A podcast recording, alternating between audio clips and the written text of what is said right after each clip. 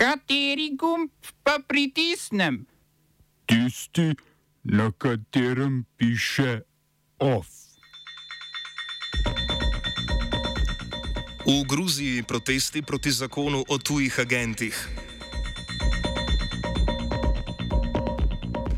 V Grčiji celodnevna stavka in protesti po železniški nesreči.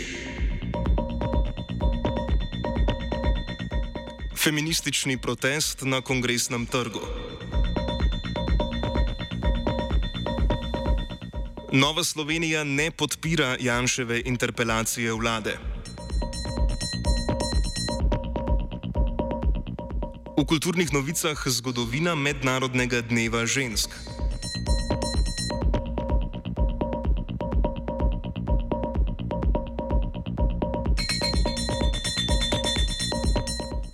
V Tbilisiju, glavnem mestu Gruzije, več tisoč ljudi protestira proti zakonoma o preglednosti tujega vpliva in o registraciji tujih agentov.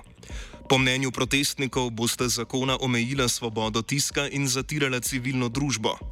Po zakonih, ki ju je gruzijski parlament potrdil v prvem branju, se bodo morali mediji v več kot 20 odstotni lasti tujih subjektov registrirati kot, tuje, ag, kot tuji agentje. Mediji in nevladne organizacije bi se morale registrirati pri pravosodnem ministrstvu kot agenti tujega vpliva, s tem pa bi bili podvrženi večjemu nadzoru nad poročanjem in delovanjem.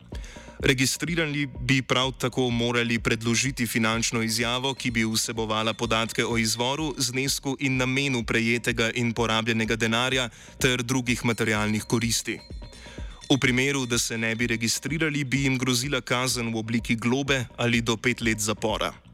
Na protestu je sicer prišlo tudi do spopadov s policijo, na katero so protestniki metali molotovke, policija pa je uporabila vodni top in sozivec. Zunanje politični predstavnik Evropske unije Josep Borrell je dejal, da bi sprejem zakonodaje v trenutni obliki pomenil korak nazaj v prizadevanjih države za vstop v Evropsko unijo.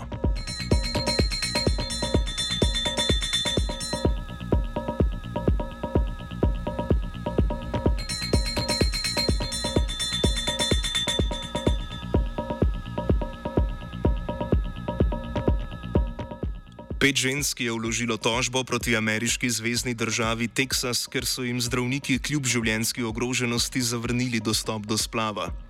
Teksaški kongres je še pred razveljavitvijo odločitve v primeru Roe proti Wade sprejel restriktiven zakon o opravljanju splava. Zakon omogoča vlaganje tožb proti zdravnikom, ki opravljajo postopke umetne prekinitve nosečnosti. Splav je v Teksasu po zakonu dovoljen le v primeru življenjske ogroženosti nosečnice ali če obstaja veliko tveganje poškodbe ene glavnih telesnih funkcij. Kakor trdijo odvetniki tožnic, pa se zdravniki zaradi nejasno definiranih izjem bojijo tožb in se izogibajo opravljanja splava. Nekateri zdravniki tudi čakajo, da se stanje nosečnice poslabša, preden začnejo s plavom. Če zdravnik prekrši zakon, lahko izgubi zdravniško licenco, lahko pa ga doleti tudi zaporna kazen. Tožnice tako zahtevajo jasno definirane kriterije za opravljanje splava.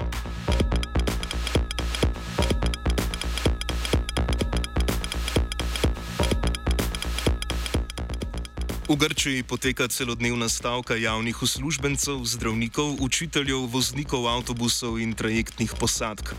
Stavkajo proti slabemu vladnemu upravljanju železnic, ki je pripeljalo do nesreče pri Larisi, v kateri je umrlo 57 ljudi.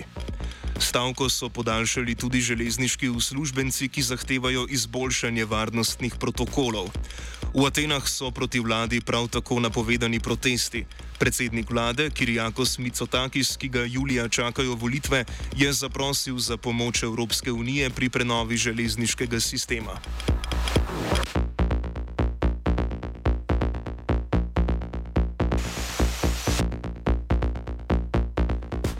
Izraelske sile so ubile šest palestincev v begunskem taborišču v Dženinu.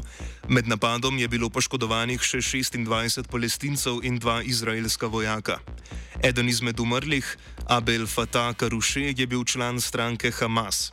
Še ena racija se je zgodila v drugem begunskem taborišču Askar, kjer je izraelska vojska aretirala tri moške, dva od teh pa sta bila Karuševa sinova. V luči izvedene racije v Dženinu je na Zahodnem bregu potekala stavka podjetij, šol in drugih javnih institucij.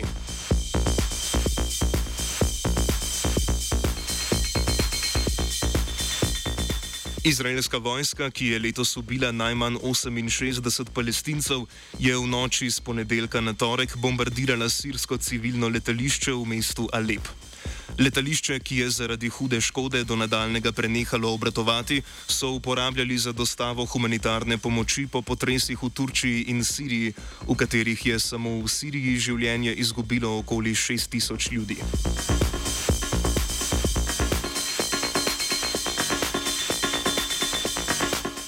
Hrvaški Istri so začeli z rušenjem nezakonito zgrajenih objektov.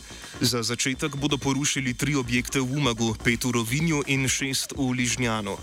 Glavni državni inšpektor Andrija Mikulič je dejal, da imajo objekti ponarejeno dokumentacijo.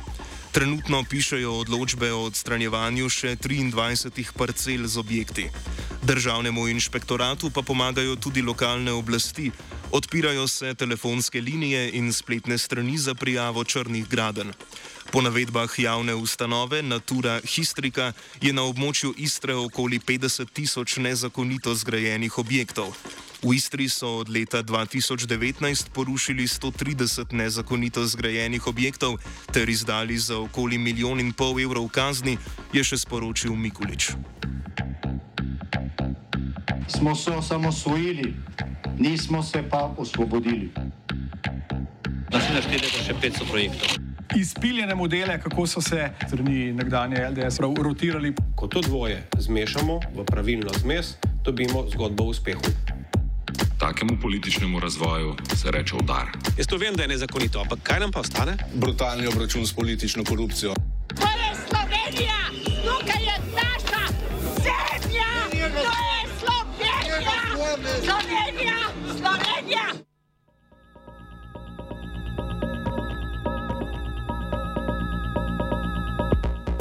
Nova Slovenija ne bo podprla interpelacije vlade. Interpelacijo je vložila Slovenska demokratska stranka, ki vladi očita ukinitev muzeja slovenske osamosvojitve, slabo odzivanje na razmere v zdravstvu in ukinitev urada za demografijo. Muzej osamosvojitve je kulturno ministrstvo sicer predstavilo pod okrilje Muzeja za novejšo zgodovino in ne ukinilo. V NSI menijo, da morajo biti kot opozicija bolj aktivni v iskanju novih rešitev, kot pa v kritiziranju vlade. Zakaj NSI ne bo prispevala podpisov pod interpelacijo, je na tiskovni konferenci pojasnil predsednik stranke Matej Tonin. Vsaka interpelacija je v danih okoliščinah seveda politika proti. In zaradi tega, če bi nas eh, kolegi v SDS-u na začetku priprave te interpelacije vprašali za mnenje, bi jim priporočali, da gremo v politiko za, kar pomeni, da bi skupaj pripravili konkretne predloge, kako izboljšati naprimer situacijo na področju Muzeja slovenske osamosvojitve, na področju zdravstva, davkov. Skratka, mi želimo opozicijo spodbuditi, da prenehamo s kritizerstvom, da prenehamo z rušenjem, ampak da z vladno koalicijo začnemo tekmovati v rešitvah, predvsem pa v boljših predlogih. Interpelacije lahko dosežejo svoj namen, če je manjšinska vlada, vlada, če je koalicija izjemno šipka in ima tesno večino, kadarkoli pa so večine velike in trdne, so pa te interpelacije doslej vedno ukrepile vladno koalicijo. Zato bo v tem mandatu Nova Slovenija predvsem prihajala z konkretnimi rešitvami in če bo le možno, se bomo izogibali interpelacijam. Danes ob štirih bo na kongresnem trgu potekal protest z naslovom Patriarhat ubija. Organizatorice protesta, študentsko društvo Iskra, bodo na protestu opozorile predvsem na nasilje nad ženskami. Društvo Iskra je od radio televizije Slovenije zahtevalo prenos protesta, RTV pa bo protest prenašal na svojem spletnem portalu. RTV je v živo prenašal protest Ruparjeve inicijative Glas upokojencev, delno pa tudi protest mladih za podnebno pravičnost.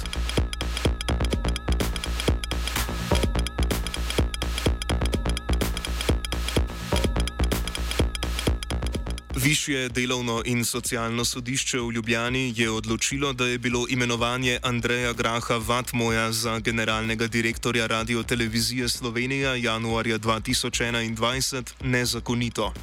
S tem je sodišče ugodilo pritožbi nekdanjega direktorja Igorja Kadunca, ki se je pritožil na prvostopensko sodbo.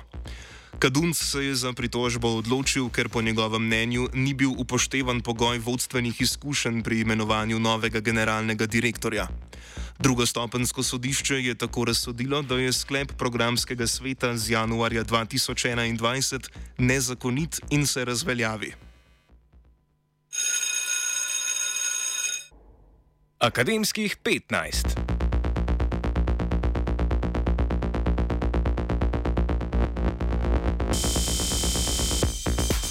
Parlamentarni odbor za izobraževanje je sprejel novelo zakona o znanstveno-raziskovalni in inovacijski dejavnosti. Če bo novela v državnem zboru sprejeta, se bo skupini raziskovalcev, financiranih iz tržnih in evropskih projektov, pri prejemanju višjih plač priključila še nova skupina tako imenovanih posebnih projektov nacionalnega značaja. Ti naj bi bili financirani iz državnega proračuna, v zakonu pa niso opredeljeni. Po spremembi bi oboji prejemali do dvakratnika osnovne plače najvišjega plačnega razreda, v katerega so uvrščeni, oziroma plačo višjo za do deset plačnih razredov.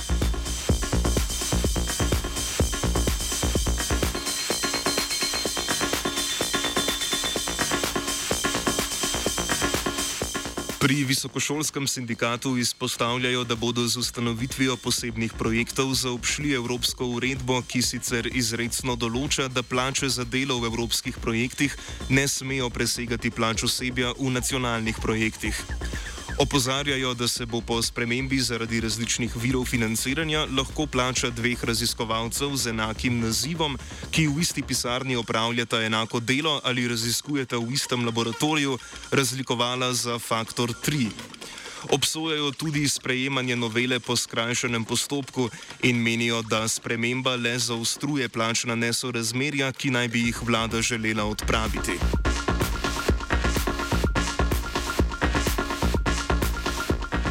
OF je pripravila vajenka Hanna, mentoriral je Žan, univerzitetno novico pa je prispevala vajenka Nika.